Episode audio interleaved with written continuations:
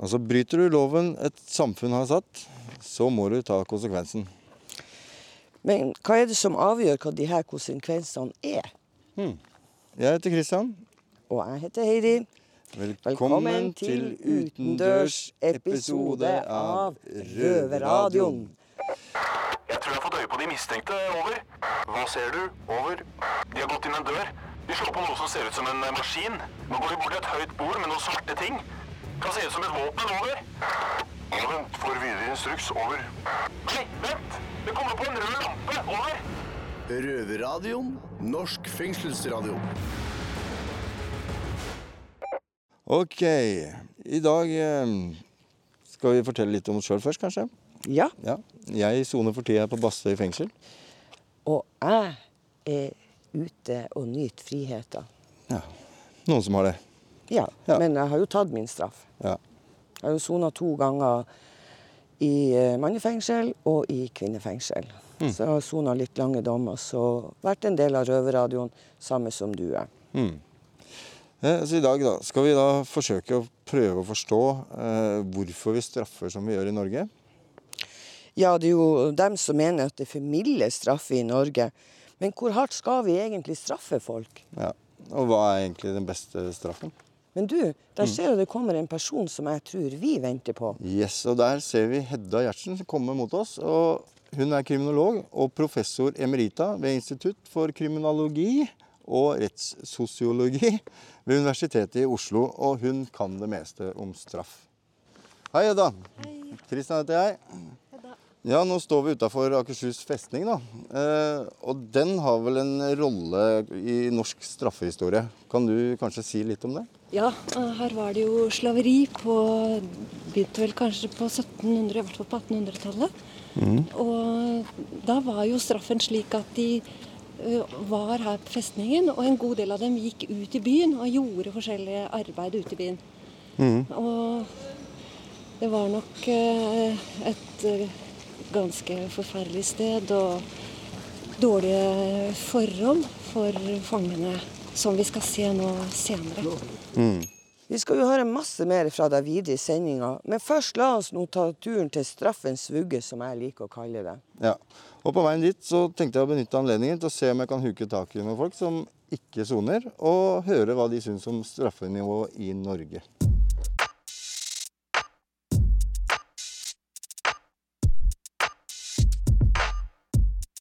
Kristian fra Røverradioen her, jeg lurer på, kan jeg stille et par spørsmål? Ja, fortell, for Eh, hva Nei, syns kom- du om eh, straff i Norge? Altså, er den for milde, eller eh, burde det vært strengere? Det er altfor strenge straffer i Norge. Det er det? Det er det, altså. Ja. Men Hva veit du om straffenivået sånn egentlig, du òg?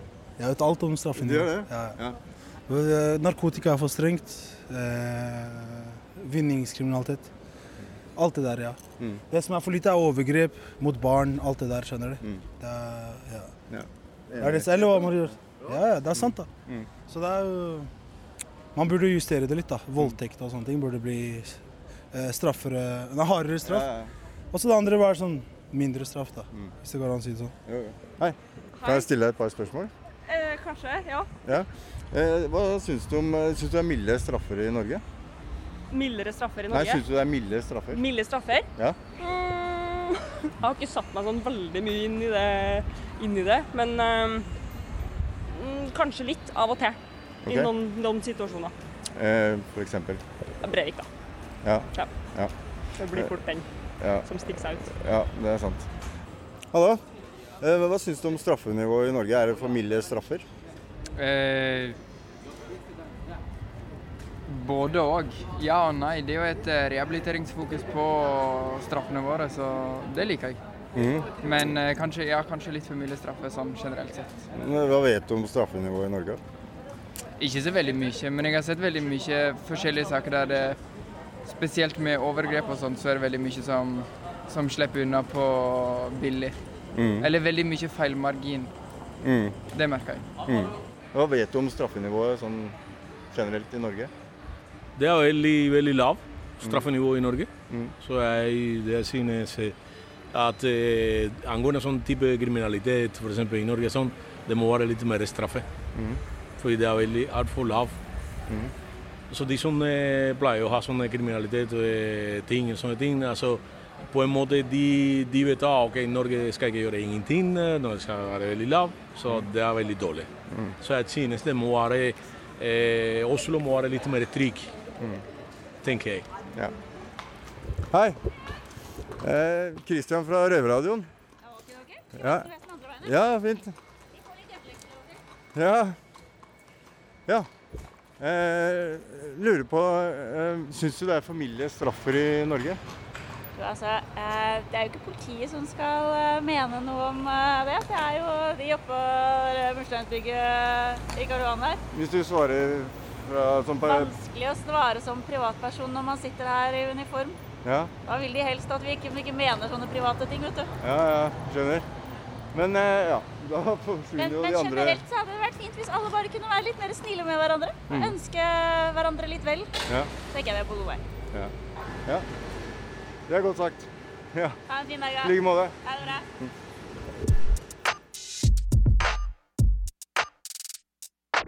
Ja, Kristian, du som er på perm og alt, hva tenker du om denne sendinga? Er du spent?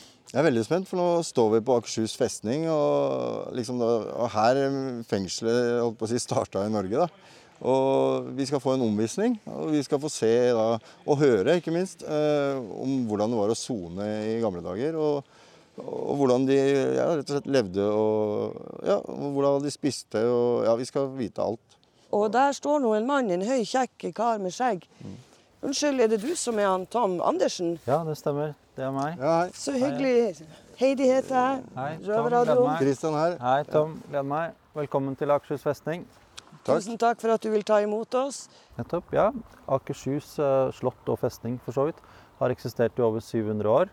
Det startet som en middelalderborg på slutten av 1200-tallet, som et vern for kongemakten. Eh, Det ble gjort om til en festning på 1600-tallet, en moderne festning. Og den står vi hovedsakelig inne på akkurat nå, eh, oppført av kong Kristian 4.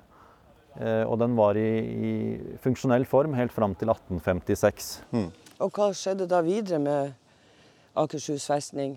Her på Indre festning så var det en, et slaveri, straffanstalt, som tok over de aller fleste militære bruksbygningene her.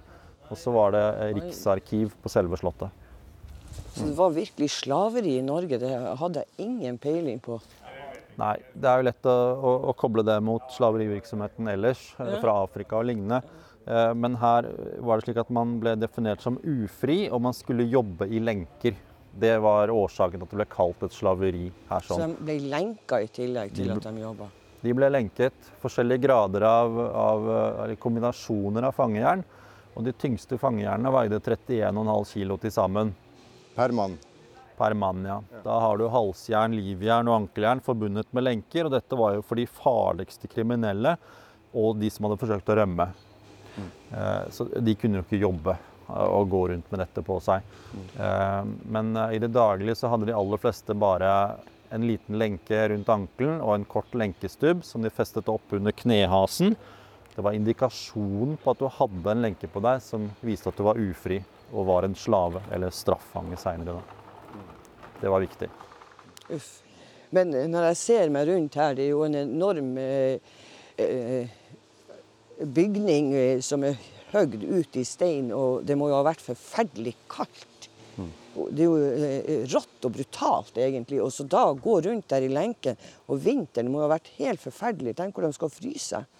Her i eldre tid, i, i Norge og i Danmark for så vidt, så, så var det jo slik at man før hadde man altså kroppslig avstraffelse var hovedmetodene. Hvis man gjorde noe galt, så fikk man en kroppslig avstraffelse. Eh, I verste tilfelle så ble man jo drept, altså ble jo henrettet eh, for forskjellige forbrytelser. Etter hvert så snudde dette litt, og man oppdaget at man kunne heller bruke disse menneskene til arbeid som ville gagne staten, rett og slett. Eh, Og som dere også nevnte, de fikk jo ikke spesielt god betaling for dette arbeidet, men de fikk betaling, og de fikk kost og losji, for så vidt, mens de satt her. Eh, Og til å begynne med så gjorde man jo arbeidet for militæretaten eh, på festningene, vedlikeholdt festningen og bygningene. Men så vokste fang fangeantallet. Det vokste veldig i løpet av 1800-tallet. Og da måtte man eh, finne andre måter å sysselsette disse på. Eh, man fant ut at man kunne leie det til private i byen.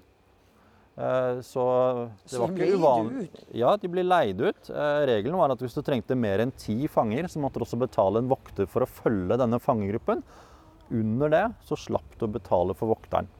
Så det gikk altså fanger eller slaver rundt i byen, i Kristiania, i lenker og utførte arbeid for private. Det Helt kunne være brostenslegging, vedlikehold, dotømming. Et arbeid de selv ikke ønsket. Ja. Men eh, Kristian, kanskje vi skal bevege litt på oss, så du kan vise oss litt rundt. Jeg er veldig spent og nysgjerrig på alt det du har fortalt. Jeg vil gjerne se alle de her tingene. Ja, jeg tenkte jeg skulle vise dere det såkalte Kronprinsens kruttårn, hvor vi da har Ja. celler i to etasjer i dag.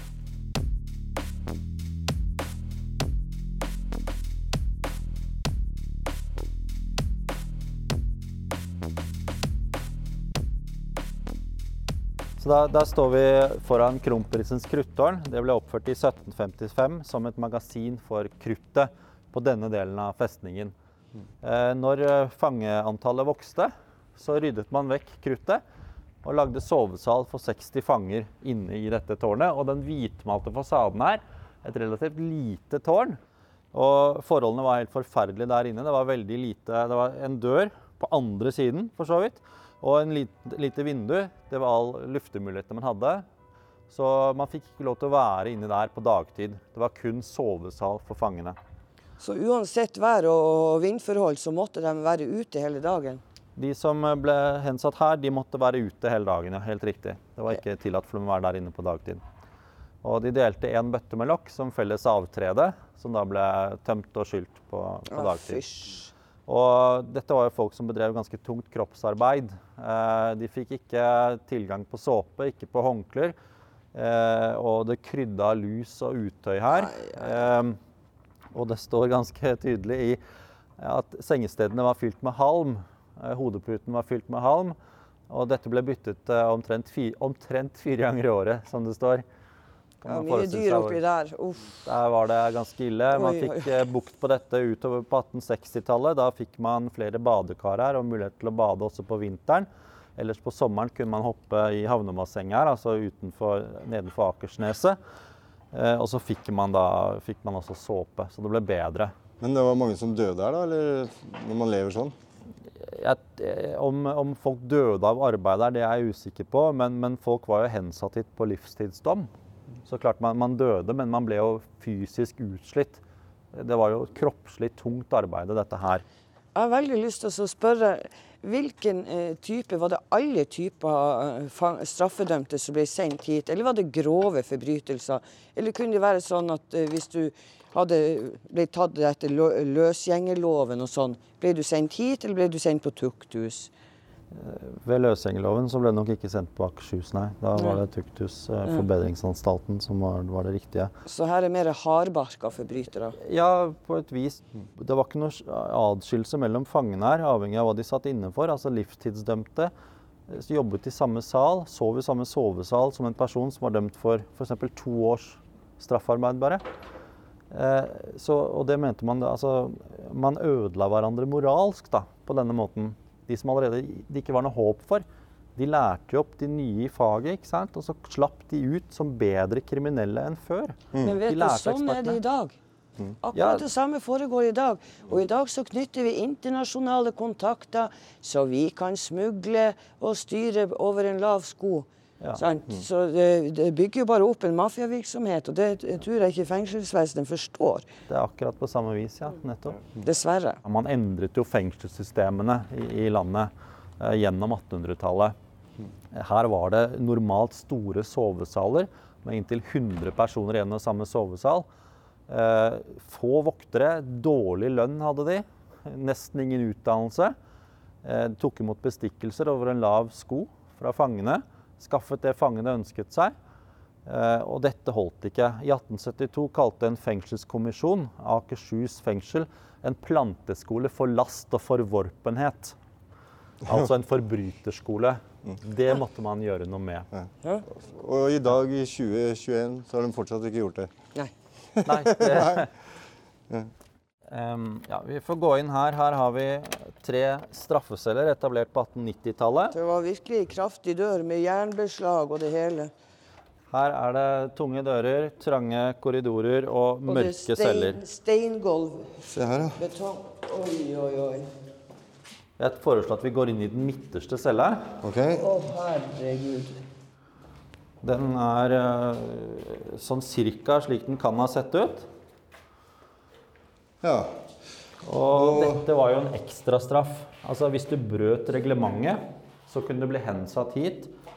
Eh, legen på anstalten skulle undersøke fangen og, og under, fortelle om det var greit for fangen å bli sittende her inne. Her skulle man sitte på, i ti døgn på halv kost. Det var regelen. Ja, og det var lemmer på utsiden. Dette var en mørkecelle, så de var lukket. Så her var det stummende mørkt for fangen. Her, måtte du, altså, her er det plassen å bli tøvete i hodet på.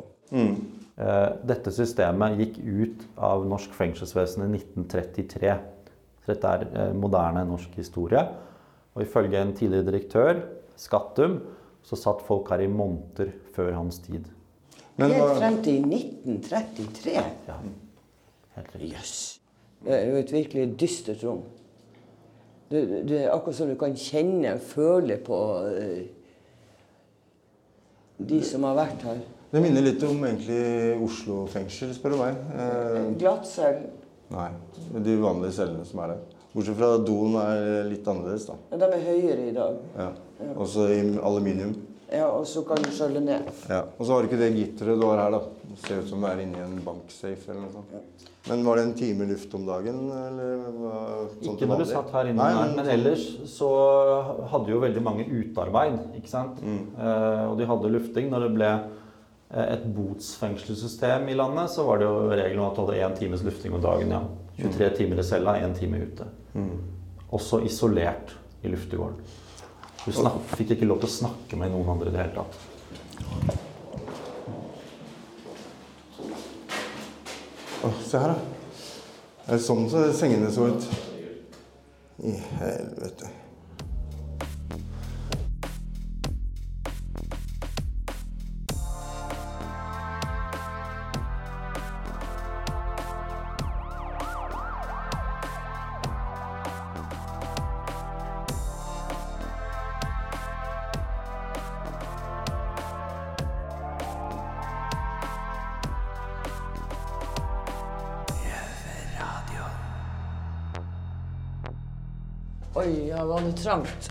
Du skulle i hvert fall ikke ha rygg- og, og skjelettproblemer når du skulle gå. Det er jo ikke engang et håndtak å holde seg og svingete. og- Her har det da gått mange fanger. Oi, Eh, oi, oi. og og det, denne delen, altså tredje etasje her, er fra 1853. Det er altså etter at man har innført Philadelphia-systemet, et botsfengselssystem i landet. Men her på Akershus så hadde man fortsatt sovesaler. Så her var det muligens, litt usikkert, tilfeldigheter som avgjør hvor man satt. Det er bare åtte eneceller i dette tårnet. Her så det jo litt mer hyggelig ut. Her, her er det jo faktisk tregulv. Her er det jo glasskopp til og med. Det her Det får du vært- ikke i dag. Det, det her måtte jo ha vært ei luksuscelle. Ja. Den har jo et skap. ja, skikkelig tallerkener og Eh, fangene er jo, eller Cellene er jo relativt store. Eh, det var jo viktig. På utsiden her så er det markert hvor store de er. Både i kvadratmeter og kubikkfot. eh, 9,8 kvadratmeter, ja. Det er større celle enn det vi har. Det er det faktisk. Par kvadrat. Yep. Og så ble jeg fortalt av Nils i Oslo fengsel, han direktøren der, at eh, vinduene er så høye fordi dette var en sak mellom deg og Gud. At Ja, det- eh, ja. det var der du skulle se hvis du skulle se ut. At eh, Han sa det, han Nils i hvert fall. eh, Det, det stemmer nok. Det gir litt mening. Ja. Man skulle jo ikke Altså, i botsfengsel det var stummende stille. Man skulle ikke snakke med de andre fangene. Eh, selv i gudstjenesten, som var, som var tvungen, så satt du i separate båser. Du så presten og alteret, ikke de andre fangene. I luftegården var du aleine. Så nå rammet du psyken til fangene i mye større grad enn tidligere. Og selv om man åpenbart trodde dette var et fantastisk godt system, så viste det seg i løpet av et par knapp tid at dette var helt forferdelig for fangene. Selvmordsraten føk i været. Ikke sant?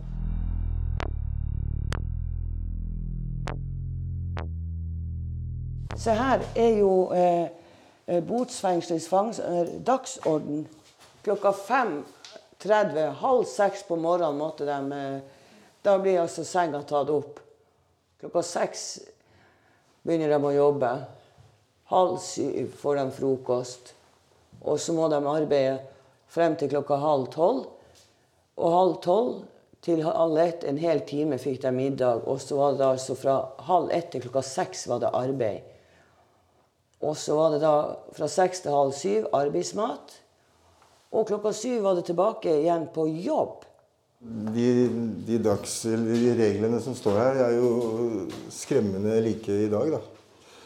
Eh, eneste forskjellen som jeg ser sånn fort, er at eh, de får være oppe lenger enn det vi gjør i dag. To timer. Men uh, alt dette andre her er jo Ja. Det er litt sjukt at man ikke har kommet lenger. Men se det her reglementet for bespisning av de friske fanger. Søndagsmorgen så får du altså en halv pott øllebrød eller en halv pott melkepapp og 14 lodd brød. Men var det ikke sånn før at du kunne sone ja, på vann og brød, ja. og så fikk du da kortere straff, eller lengden? Vann og brød var eh, Man startet ofte på vann og brød. Eh, og så fikk man lov til å ta del i den ordinære kosten seinere. Og hvis du gjorde regelbrudd, så kunne du få vann og brød igjen så, så ofte i en, en, lengre periode med en dags opphold eller tilsvarende. Det var et uh, Man kan jo lure på hvem Jeg er jo historiker, men, uh, men, man kan lure på hva disse menneskene som faktisk har tenkt ut disse systemene, egentlig forestilt seg skulle skje med menneskene som satt inne. Altså, det var jo åpenbart til å begynne med ingen idé om at de skulle rehabiliteres for å komme tilbake i samfunnet som friske, sunne mennesker. Mm. Du ble jo ja, moralsk forkvaklet av å være inne, og en dyktigere kriminell. Det var egentlig, antagelig så var bare Poenget var å holde de vekk fra samfunnet. Mm. Uh, altså til evig tid, altså til de døde. Det på en måte må ha vært noe av uh, hensikten. da. Mm. Mm. Og så ble det jo sakte, men sikkert si fra 1814 av og framover så skjedde det raskt endringer. Men det skjedde ikke fordi det ble påtvunget her i landet eller i Danmark. Det var fordi det skjedde utvikling ute i Europa.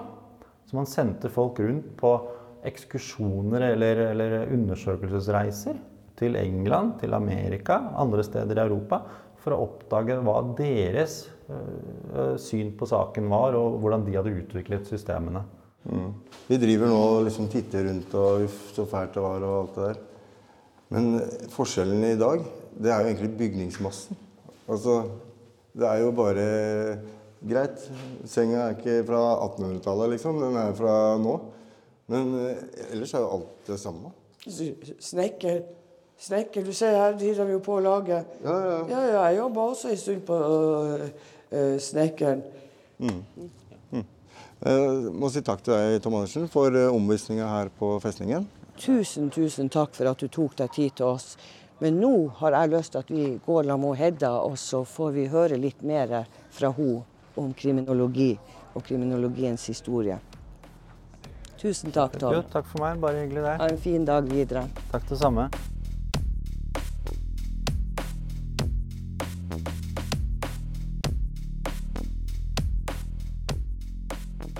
Hedda Gjertsen, du er jo som vi nevnte i starten av sendinga kriminolog og professor emerita ved Institutt for kriminalog... Krimin, kriminologi og rettssosiologi ved Universitetet i Oslo. Litt vanskelig ord å uttale dette her. Ja. Eh, nå har vi vært rundt på festningen her. og Hva slags tanker har du gjort deg nå som vi har vært på en sightseeing her? Jeg har gjort meg flere tanker. og særlig festet meg ved det som dere sa noen ganger. Eh, at dette har jo klare likhetstrekk med hvordan situasjonen er i dag. Mm.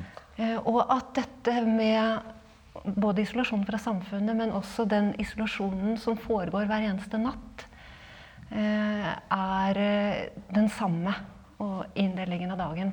Mm. Og så slår det meg jo også at at det er noe med at dette ordet straff er så veldig generelt og åpent, og at eh, man ofte ikke tenker over hva det innebærer.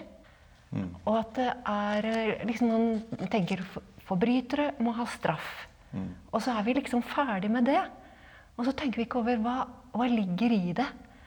Eh, og så er det, tror jeg, mange, mange syn på hva som er en rimelig og rett og bra straff. Straffens funksjon. Ja, absolutt. Men hvem er det egentlig som bestemmer hva slags straff man skal ha i et land? Ja, det er jo liksom Formelt sett så er det jo Stortinget som er den lovgivende myndighet, som det heter. Og så blir jo de og, de, og så blir det jo forslag fra departementet ned til Stortinget. Og, men så er det jo det store spørsmålet. Hva er det som gjør at Stortinget bestemmer som de gjør om straff? Eh, tanken om hvordan straffen skal virke, har jo forandret seg mye fra det som vi hørte nå. Hvor på en måte fangene kunne gå til grunne her på Akershus. Gjennom tøft arbeid, dårlig mat, utøye i sengene, sengehalmen osv. Man brydde seg ikke noen ting om hvordan det gikk med menneskene. Helt til staten fant ut at kanskje vi trenger dem til jobbing. Så begynte man å endre på det for at man skulle klare seg. Hva er egentlig straffens funksjon i Norge? Ja, Hvis du spør myndighetene, så vil jo de si at straffen har flere og, eh, som også blir sagt, motstridende formål. Det ene er jo at du skal eh, påføres et onde i den hensikt at det skal oppleves som et onde. Det er jo den gamle, tradisjonelle forklaringen som gjelder i dag òg.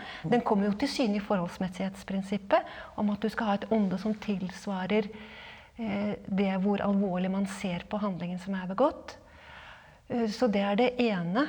Og det andre er jo at man samtidig også tenker at straffen ikke bare skal være et mål i seg selv da, på denne måten, men den også skal ha en virkning. Nemlig at den skal føre til mindre kriminalitet i samfunnet. Og det tenker man seg foregår på to måter. Det ene er avskrekking, og det andre er rehabilitering. Så det er liksom disse tre hovedtingene. Det som også er kommet til, er at det skal liksom skape sosial ro. At folk liksom tar det med ro fordi lovbryterne blir straffet. Men jeg tror det er et problem i det at vi har denne her, dette store ordet straff, og at vi ikke tenker nøyere over hva som ligger i det. Fordi at når myndighetene snakker sånn om straff Ja, du har gjort så og så mye gærent, så skal du ha så og så mange år i fengsel, f.eks. Det er jo på en måte veldig merkelig og veldig abstrakt. For det har jo ingenting med den sosiale erfaringen som det er å bli straffet. Det er en helt annen verden. Det er systemverden som snakker. Også i dag, Jeg vet ikke hvordan dere syns at straffen Hva som kan være straffens mening? Straffens mening det er jo det at eh, vi skal gjøre opp for det gale som vi har gjort. Man kan jo også si man straffer jo barn òg når de har gjort noe galt. Det er jo fordi at man skal eh, innrette seg og gjøre de riktige tingene. Men å putte noen inn i et rom kanskje i flere år, og i en moderne form for slaveri eller straffarbeid, for det er jo det vi får på veldig dårlig lønn, så blir man jo ikke rehabilitert til å komme ut til et samfunn. Rehabilitering betyr jo å vinne tapt ære. Ja. Ja. Og i- i dag i hvert fall, så vil jeg ikke akkurat påstå at eh, du vinner æren tilbake igjen da, med å sitte inne. Nei. Nei. Men I 2017 så ble det gjort en undersøkelse av Amnesty i Norge eh, hvor det kom fram at én av fem nordmenn åpner for bruk av dødsstraff. Eh, Hvor langt eh, syns du vi som samfunn skal gå? Da tror jeg at man eh, har et ganske stort forklaringsproblem hvis man skal eh, foreslå dødsstraff i Norge i dag. Altså, du, kan jo si at man kan tenke om lovbrudd liksom på to hovedmåter. Den ene er at man tenker på det liksom i en sånn moralsk verdimessig sammenheng. Da. Og så man, tenker man hvor alvorlig en handling var, og derfor så må den straffes. Og da liksom sånn moralistisk. Man har bare det perspektivet. Men vanligvis så er det jo eh, slik at vi også på en måte kobler på det sosiale. Vi kobler på At vi ønsker å forstå hva var det egentlig som hendte. Vi vil gjerne vite det. Vi er jo veldig opptatt av på en måte om drap blir oppklart, og om de blir riktig oppklart, som jo er saken nå for tiden. Og vi er jo også opptatt av å skjønne hva var det som hendte. Hvordan var relasjonen mellom folk? Og, og f.eks. drap og drap og vold og vold er jo veldig mange forskjellige typer handlinger. Men eh, til valget i år da, så gikk jo Høyre og Fremskrittspartiet eh, til valg på å øke straffenivået og forlenge eh, strengeste straff til 50 år. Og Fremskrittspartiet skrev i partiprogrammet sitt at dagens straffenivå i Norge er for mange typer forbrytelser så lavt at det ikke harmonerer med befolkningens rettsoppfatning. Hva påvirker våre holdninger til rettferdighet? Ja, det det er jo nettopp dette at vi kanskje eh, At vi kanskje eh, noen ganger bare på en måte tenker på den som vi var inne på i sted, liksom den moralske siden av saken. Og det er klart at det er noen typer handlinger som, er, som vi alle blir veldig oppskaket over. Eh, og at vi da tenker at dette er forferdelig. Men når, når de sier at det er den vanlige rettsoppfatningen, så er det jo slik at den seneste undersøkelsen som jeg vet om, om rettsoppfatninger i de nordiske landene fra 2010, den viser jo at det slett ikke er tilfellet. Og dette her gjaldt, eh, alle, det gjaldt liksom seks forskjellige lovbrudd som alle førte til ett års fengsel omtrent. Eller kunne det. Mm. Eh, og det som viste seg, var jo at folk flest eh, de trodde at det faktiske straffenivået var mye lavere enn det faktisk er. Og når de skulle foreslå en straff, så foreslo de lavere enn det som faktisk er. Eh, og de trodde at andre også tenkte at de skulle være strengere enn det de selv syns. Sånn at eh, det er ikke noe særlig straffebehov i befolkningen. Så det er fryktelig vanskelig å forstå på hvilket grunnlag de sier det der. Mm. Og dessuten, liksom Hva skulle hensikten være overfor den som settes inn? Eh, folk som har erfaring med fengsel, de sier ja, de første fire månedene er de verste. Liksom. Det er da du på en måte merker at du har kommet inn. Ikke, Det er kanskje forskjellig for folk. Men videre så er det på en måte bare en tomgang. Sånn at da er vi på en måte tilbake til det de drev med her når det gjaldt slaveri. Du skal bare sette folk inn for at de skal mugne bort. Mm. Men for hvilken tanke i det i vår tid i dag? Jeg syns det er å skru tenkinga mange århundrer tilbake. Og, og tenk hva det koster samfunnet. Ja, ikke sant? Bortkasta penger. Ja. Vi som samfunn har valgt eh, fengsel som straffemetode, men kunne vi valgt noe annet? Fordi jeg vil jo si at i praksis så jo, gjør vi veldig mye mer. Altså vi eh, vi svarer jo på lovbrudd på så mange måter. Vi svarer på det ved at vi har opprettet en mange sånne hjelpesteder. Man kan tenke seg eh, det som nå heter Støttesenteret for kriminalitetsutsatte. Eh, voldtektsmottak. Eh, tiltak for barn. Krisesentre. Voldsoffererstatning, som er økonomisk. Sånn at jeg, jeg tenker meg at det vi kanskje burde gjøre, er å utvide perspektivet. Så kanskje hjelp istedenfor straff i mange tilfeller kunne ha vært Ja. Å få folk med i samfunnet. Det er jo det vi gjør når folk er syke. Når ja, også vi som er gamle, begynner også å få mm. hjelp til å være med i samfunnet. Og barn. Sånn at det er liksom noe med Hvorfor skal vi klippe noen ut av fellesskapene? Det og folk som sitter i fengsel, det er jo noen av dem. Bl.a. Eh, en som heter eh, Andreas Ribbe Nyhus. Han har jo skrevet om sine eh, seks, eh, åtte år i fengsel. Eh, og det han var opptatt av, det var jo at fengslene gir jo ikke noen mulighet for å sone. Sånn at når du er i fengsel, så har du nok med å håndtere systemet, betjentene og de andre fangene. Finne noen du kan liksom være sammen med. Den lille gjengen som du kan lage middag med og, og gjøre gym med og sånt. Mm.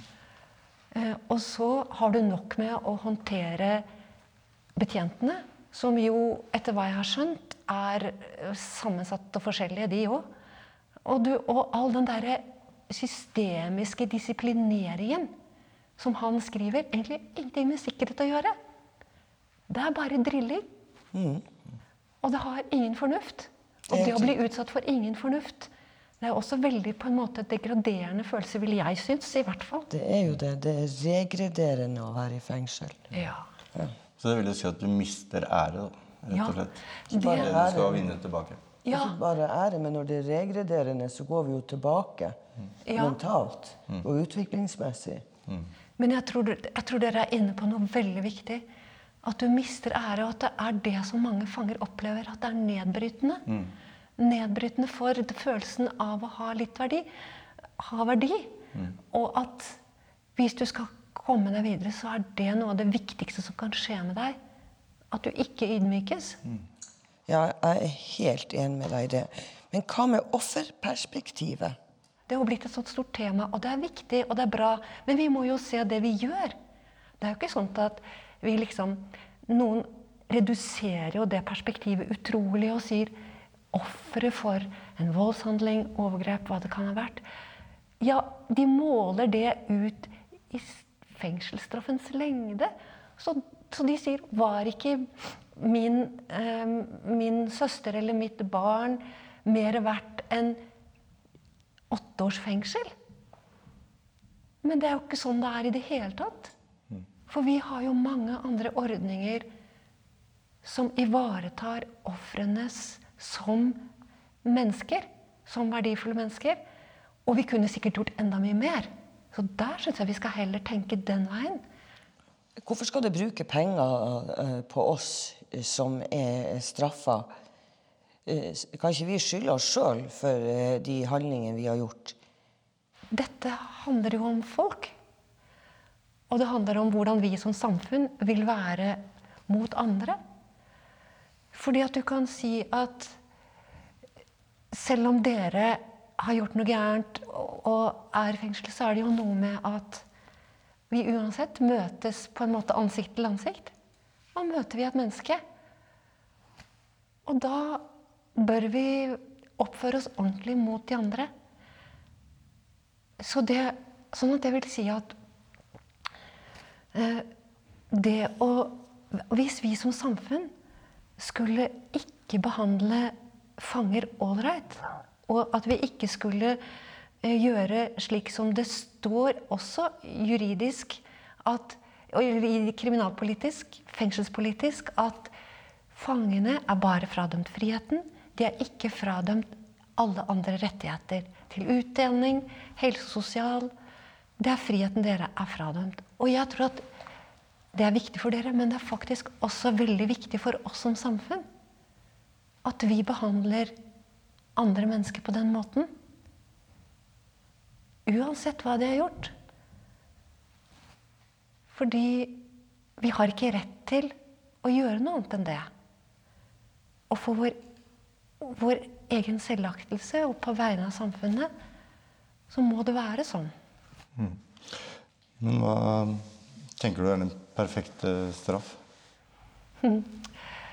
Jeg tror det er For min del er det veldig vanskelig å svare generelt på det.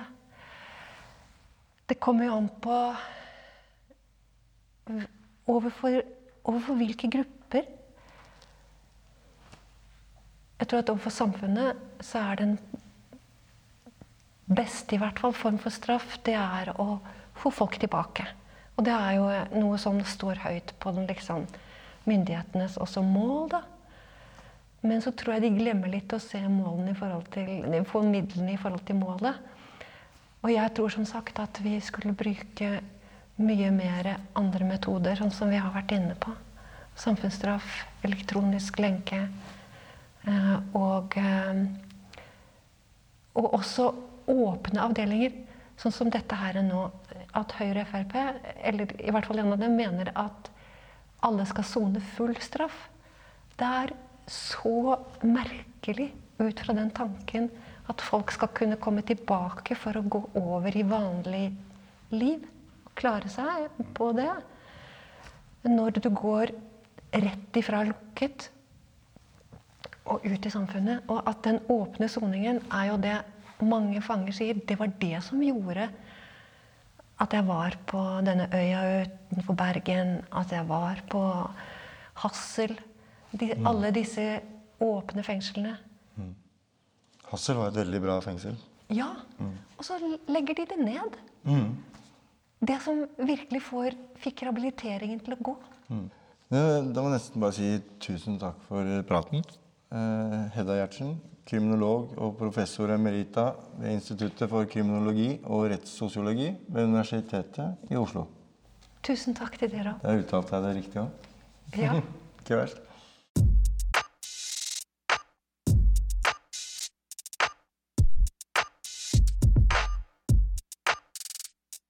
Kristian, vi har jo snakka en del om straff. Det er jo det denne sendinga handler om. Mm.